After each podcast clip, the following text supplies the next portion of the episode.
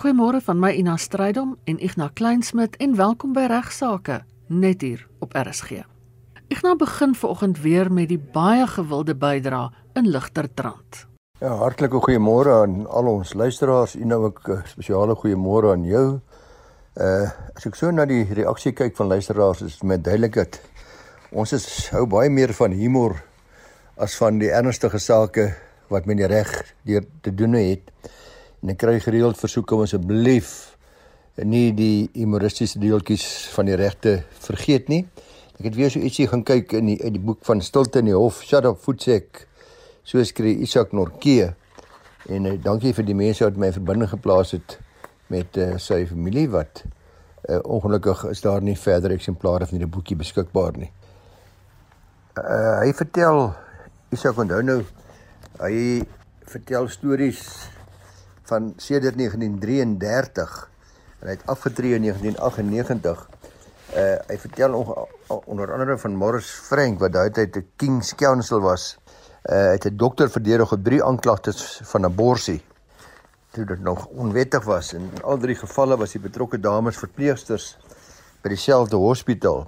Dieselfde man was verantwoordelik vir hulle swangerskappe. En toe die man getuig, toe vra die aanklaer vir die man nou nou uh, wat 'n soort werk doen jy? Toe sê nee, ek is 'n myner, was die antwoord. En toe fluister Frank se junior in hom. Sekere sagskinker. Nou ja, prokureur het opgetree vir 'n man wat sy been verloor het in 'n ongeluk. En soos gebruiklik kry die prokureur toe 'n afskrif van die verklaring wat sy kliënt aan die polisie gemaak het. Die verklaring uh, was deur 'n konstabel afgeneem en daarin het die volgende woorde voorgekom. Ek haal aan. I heard a noise behind me. And when I looked around, I saw a motor car that crashed into my leg. ja, daar 'n week wat weer gelede ook vir interessante vertalings deurgegee. Dit hoor mense nog gereeld in ons howe waar daar dikwels Afrikaners is wat probeer om Engels te getuig. Uh en dan kom mens baie gou agter dat die moedertaal is maar 'n baie beter taal om te gebruik. As mens wil seker maak jou getuienis word behoorlik verstaan en jy sê presies wat jy bedoel. Dan sê Isak Norkie het opgetree vir 'n weduwee van een van twee mans wat in 'n gruisame botsing oorlede is. Dit het daar in Primrose gebeur om middernag en dit was 'n tromp op botsing met 'n nagwa. 'n Motor bevattende lede van 'n orkes het reg agter die oorledene se motor gery. En die leier van die orkes was toe een van uh, Isak se getuies. Hy uh, het met 'n Amerikaanse nasale aksent gepraat het soveel moontlik probeer om 'n Amerikaner te wees terwyl hy duidelik eintlik maar 'n Suid-Afrikaner was. Hy het nou 'n bietjie vir 'n jaar of 2 blykbaar in Amerika gewoon. Sy getuienis was so. Ek gaan nou nie probeer Amerikaans praat nie, maar hy sê when the crash occurred, I heard women scream. I saw a man's body being flung out of the car. I also saw a man's head rolling on the street. When we stopped, I saw the rest of the body was still behind the steering wheel. There was blood all over the street. Four people were dead. And I said to all my buddies, Gentlemen, in my opinion, this is a serious accident. We better report it to the police. Dan vertel Isak hierdie mooi ou storieetjie.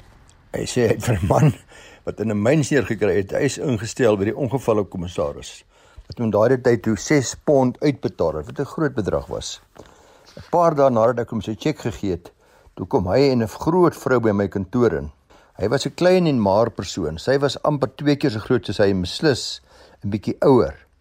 Ek sien Isak was nie seker wat sy ma was of sy vrou was nie, maar uh, sy plak haar sommer op die stoel neer voor my en sonder hom voorgestel te word sê sy: "Nou dat my man klaar met sy compensation is, uh, is dit nou ek en my compensation."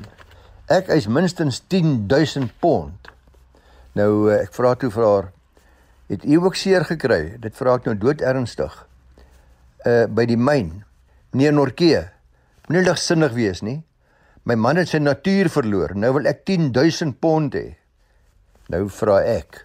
Dis nou Isak Norke. Mevrou, is dit so baie werd vir jou? Meneer, as jy weet wat 'n soort vrou ek is, sal jy nie so 'n dom vraag vra nie. En toe gee sy hom so 'n skalkse knikkie. En nou op 'n ernstiger noot. Wat beteken die terugkoop van aandele en watter vereistes is van krag? En Kan 'n trust 'n lid van 'n beslote korporasie wees? Van der Merwe de Tooi, baie groot en bekende prokureursfirma wat saaklik daar in Pretoria praktiseer en baie bekend is. Uh vertel vir my in hulle nuusbrief die volgende. Hulle kliënt het ingekom en gevra, gesê hy is 'n aandeelhouer in die privaat maatskappy. Ek wil graag my aandele ontslaa raak om kontantvloei te bewerkstellig. Dit gesê, wil ek dit nie aan 'n vreemdeling verkoop nie. Ek wil dit graag aan die ander aandeelhouers verkoop, maar hulle wil ook nie my aandele koop nie. Een van hulle het voorgestel dat my maatskappy my aandele terugkoop.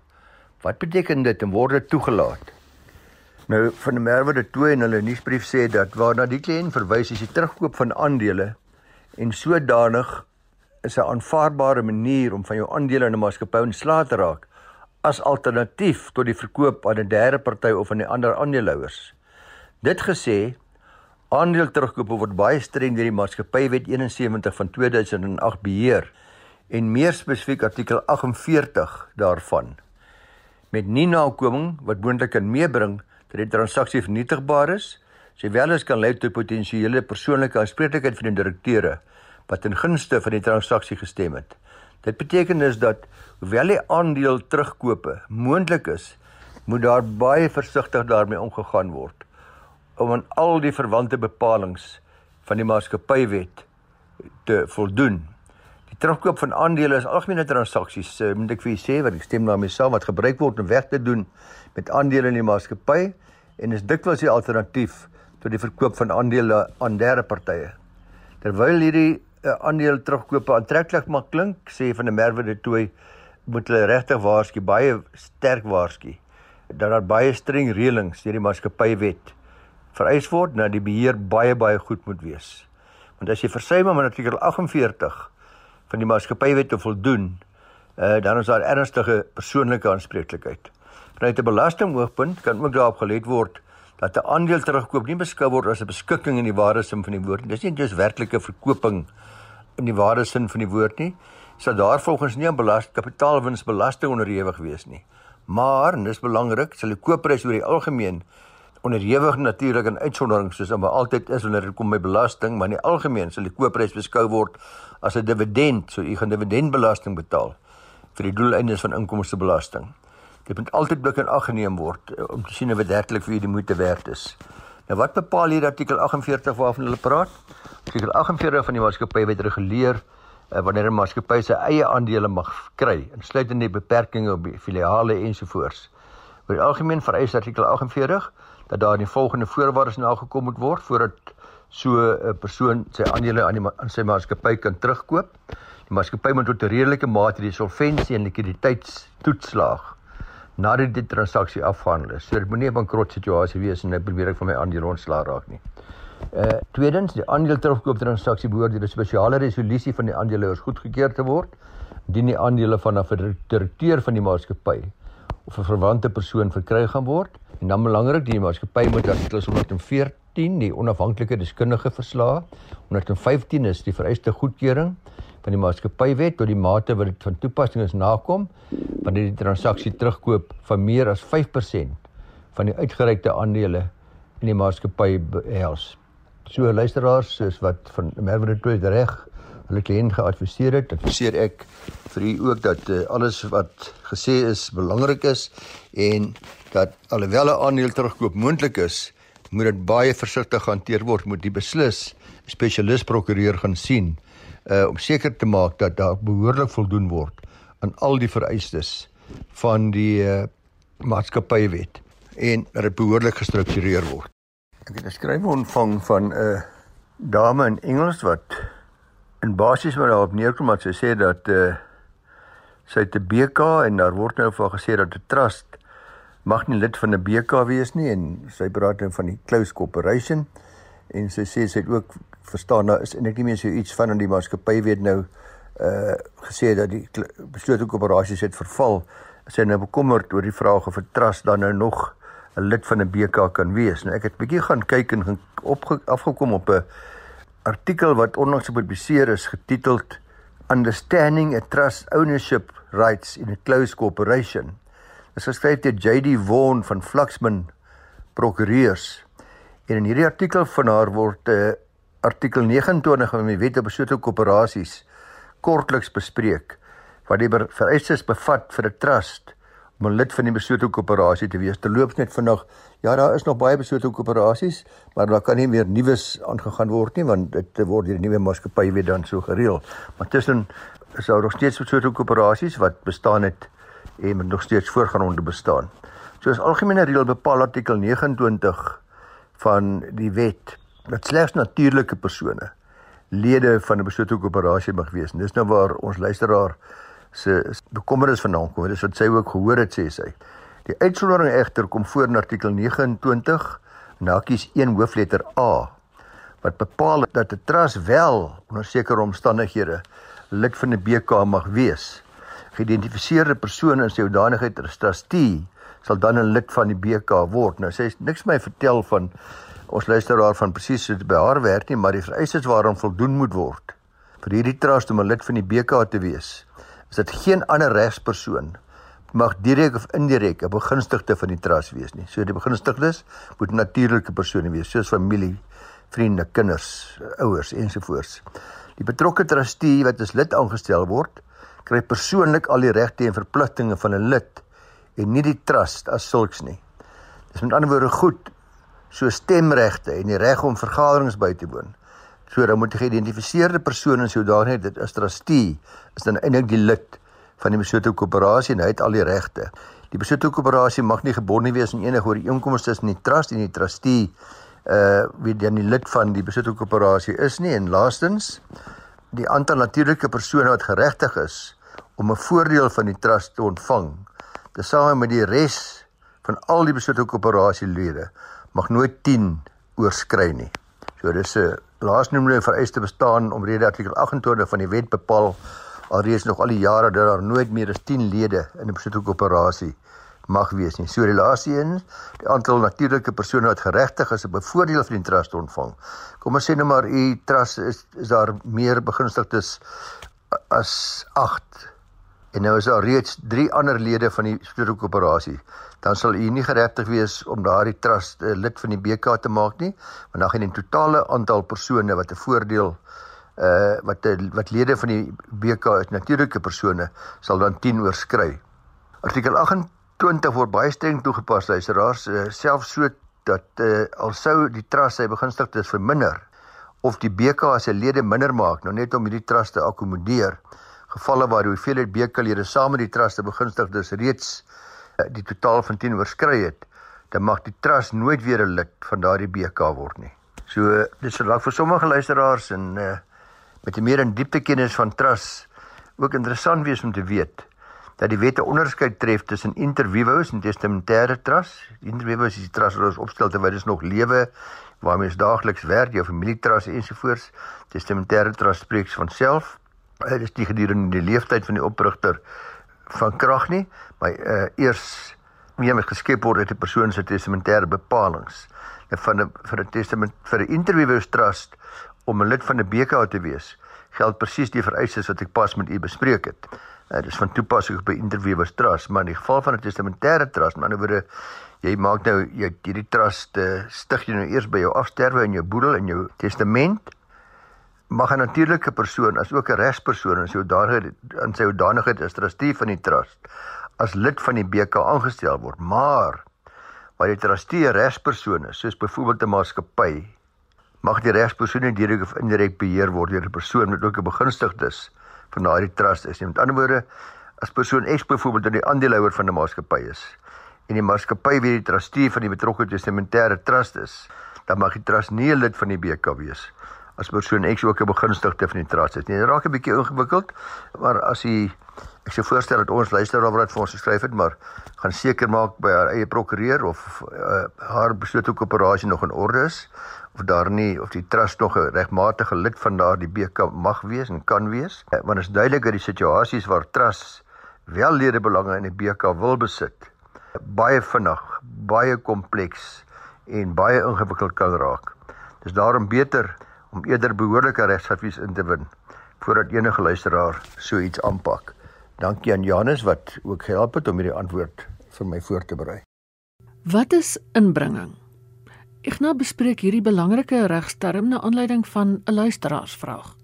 En dan kortliks iets oor uitsetting van 'n plaas af. 'n Baie kort maar belangrike vraag word gevra deur Karin Visser het 'n brief geskryf aan uh, Herman Stein by RSG wat dit gevra het om asseblief vir my aanstuur wat hy gedoen het. Sy sê sy het nou die dag die woord inbringing as 'n regsterm teengekom. En so graag dat ek dit in my program bespreek om te verduidelik presies wat dit is. Nou dis 'n baie belangrike term en ek het ook gaan seker maak dat my begrip daarvan ooreenstem met die van Volker Kreer, die boedelspesialis daar by Velden Duffy. En daar is 'n vermoede in ons reg dat 'n erflater altyd sy afstammelinge gelyk sou wou bevoordeel. Ons as ouers, oumas, oupas sê altyd ons wil ons kinders gelyk bevoordeel en uh baie dikwels ongelukkig gebeur dit dat hier teen die einde het een kind my teleurgestel of uh, verkeerd getrou of wat ook nogal of die een kon kom beïnvloed my terwyl net hy of sy by my inwoon en my versorg. Ag en baie keer is dit die die hele doel om almal gelyk te laat erf word nie altyd bereik nie en daar word ander uh wiele in die pad gerol. Maar as gevolg van die algemene reël vermoede dat 'n erflater altyd sy afstamming gelyk sou wou byvoorbeeld, as gevolg van daardie vermoede, is daar 'n reël in ons erfreg dat voordele wat 'n afstammelinge gedurende die erflater se lewe ontvang het, ingebring moet word wanneer die afstammelinge erf. Die vermoede en hierdie regstreep geld behalwe indien die erflater dit uitdruklik in sy testament uitsluit. Let wel, hy wil dit uitsluit. As die erflater dus bloot in sy testament bepaal dat sy kinders gelyk moet erf. Ja, sê net maar byvoorbeeld net gedurende sy lewe sy een seun met 500 000 gehelp, 'n lening vir hom gegee om 'n besigheid op te bou of 'n huis te koop, dan moet daardie 500 000 rand ingebring word. Want anders as die kinders mos nou nie gelyk beregtig nie. Aan die ander woorde 500 000 rand moet afgetrek word van daardie seun se erfporsie en en te verseker dat die kinders nog steeds na verrekening van die 500 000 rand gelyk bevoordeel word as gevolg van hierdie vermoede dat 'n erflater altyd sy afstamminge gelyk sou wou bevoordeel. Nou die meeste erflaters sou nie wou hê dat bevoordelings aan kinders gedurende die lewe weer teruggegee moet word, nie weer ingebring moet word nie. Met ander woorde, hulle wil gewoonlik hê dat dit wat hulle gedurende hulle lewens vir die kinders gedoen het as afgehandel beskou word. Want dikwels is daar spesiale besonderhede. Die een kind het baie groter behoeftes as as 'n ander kind. Ag, uh, almal is nie ewe geseënd met talente of, of met 'n uh, eh, goeie vermoëns om besigheid te doen nie. Sommige moet dalk gestremd wees ensovoorts ensovoorts. So baie erflaters sou graag inbringing wil uitsluit. By die opstel van 'n testament is dit dis belangrik om hierdie bewegings in ag te neem. Die testament dan dien weer om kos op te stel. Die meeste testamente bevat daarmee klousule wat spesifiek sê dat bevoordeling vir afstammelinge voor afsterwe nie ingebring hoef te word nie. Inbringing word dus uitgesluit. So gaan kyk na u testament as u wil hê dat u kinders moet teruggee wat jy reeds vir hulle gegee het en en dan eers dit, dit terug in die boedel moet gee sodat dit in berekening gebring kan word. 'n Skuldvergelyking kan mens dit amper noem gebring kan word. Dan moet u seker maak as jy dit nie wil hê nie dat u spesifiek dit uitsluit in die testament. Hier moet ons ook uitwys dat die inbring beginsel nie geld ten opsigte van wat kinders van hulle ouers ontvang het ter nakoming van die ouers se onderhoudsplig nie. Dit beteken nie vir ek vir my kinders as ek my normale onderhoudsplig nagekom het om vir my kind 'n fiets te koop om mee skool toe te ry, 'n skooltas, sy skoolfonds betaal het. Ag en wat ek nog groot mag. Universiteitsgelde is deel van die onderhoudspligte ensovoorts. Bedrae wat ouers spandeer aan kinders se skole, universiteite ensovoorts is gevolglik nie in die inbring beginsel enigsins onderhewig nie. Ook geld dit net vir afstammelinge, net wel. As jy dus jou broers en susters gelyke deel in die testament aanstel as erfgename, is daar ook nie van inbring sprake nie. Dis net hierdie geld net vir jou waar jy kan uitsluit, is net vir jou eie afstammelinge. In die verband uh, sê volker moet ons nog twee belangrike verbandhoudende sake aanraak wat hom betref. Die een is lenings aan die kinders en die ander is leningsrekenings tussen kinders en familietras. Want heel dikwels by boerboetparing is daar 'n testament en sertyd ook 'n familietrust. Nou wat gewone lenings aan kinders aanbetref, moet enige uitstaande leningsbedrag ook behoorlik oorweeg word wanneer 'n mens 'n testament opstel. Die erflater se bedoeling met lenings aan kinders is dikwels om kinders te help sonder dat hy werklik die lening terugbetaal wil hê. Dit is baie keer so wanneer is uh, volk sê dikwels dit word egter eerder as 'n lening aangetoon ten einde seker te maak dat daai skenkingsbelasting betaalbaar gaan wees nie. Goed, ek leer aan jou 500 000 rand om jou te help om jou huis te koop, maar as ek dit aan jou geskenk het, was daar 'n klomp skenkingsbelasting betaalbaar. Dan spaar ek dit dit in die vorm van 'n leningsooreenkoms te sê en sê jy moet dit terugbetaal. Uh as dit die bedoeling is om hoor die erflater se testamente bepaal dat die lenings afgeskryf word na sy afsterwe. Gewoonlik sal daai leningsooreenkoms dan sê dit is betaalbaar uh by afsterwe of op 'n sekere datum, maar gewoonlik by afsterwe. Ander woorde, die erfgenaam by die leningsskuld doen dit dan nie aan die boedel terug te betaal nie, want die boedel het spesifiek so bepaling dat die kind kwytgeskeld word van die lening. Nou is bietjie moeiliker waar mense kom by leningsrekenings dat kinders teen familietrust aan uh, betref wat dit betref net die volgende as deel van die gebruik van familietrust soveel as moontlik inkomstebelasting te bespaar word die inkomste van 'n trust dis maar nou hier geld op eiendom uh, die volgens die finansiële state en belastingopgawes wat die trust dikwels na die kinders gekanaliseer. Aan die ander woorde 'n deel van die inkomste wat die trust verdien gaan na my kinders toe. Dis die sogenaamde geleibuis beginsel wat aangewend kan word om te sorg dat die inkomste van die trust in die hande van 'n belastingbetaler beland uh, wat teen 'n laer inkomstebelastingkoers aangeslaan word. My kind werk dalk nie en daarom is daar 'n groot deel belastingvry. As ek 'n deel van die inkomste na haar toe of na hom toe kan oor laat gaan, uh, dan spaar ek 'n klomp belasting. Want op my eie inkomste sal ek dalk op 'n superbelasting betaalbaar wees. So waar sulke geld byvoorbeeld hier geld het 'n eiendom wat aan die trust behoort, wat ek nog dit mag wees, byvoorbeeld aan die kind toegeken word, dan word dit nie fisies in die kind se bankrekening inbetaal nie. Dan ontstaan daar 'n leningsrekening tussen die trust en die kinders. In ander woorde, volgens die finansiële state skuld die trust dan nog hierdie geld aan die kinders want dit is nog nie betaal nie, dit is net hulle toegeken. Uh kom ons vat 'n voorbeeld. Koos het 'n familietrust opgerig en baie jare terug 'n kommersiële gebou in die naam van die trust gekoop. Die gebou het 'n goeie huurinkomste gegenereer. Volgens finansiële state en belastingopgawes so versaaklik al die inkomste, sy huurinkomste aan sy twee kinders toegedeel. Na ander daarvan het daar 'n leningsrekening, kom ons sê net maar van 5 miljoen rand tussen elkeen van die kinders in die trust ontstaan. 10 miljoen rand in totaal. Met ander woorde, die trust skuld vir elkeen van daardie kinders 5 miljoen rand. Anders gestel, Elkeen van die kinders het 'n eis van 5 miljoen rand teen die trust. Een van die seuns kom te sterwe en uh, in sy testament bepaal hy dat sy vrou alles van hom erf. Dit sou dan die 5 miljoen rand leningsrekening insluit. In ander woorde, die vrou koos se skoondogter sou die 5 miljoen rand kan opeis van die familietrust.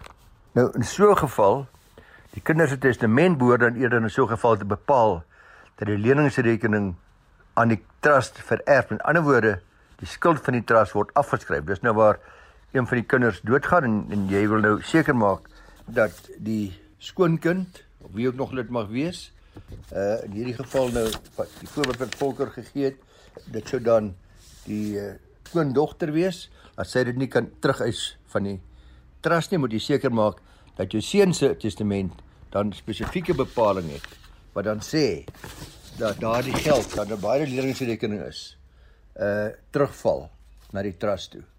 Om dalk in beter woorde gestel, die trust, die lening word van die trust word afgeskryf.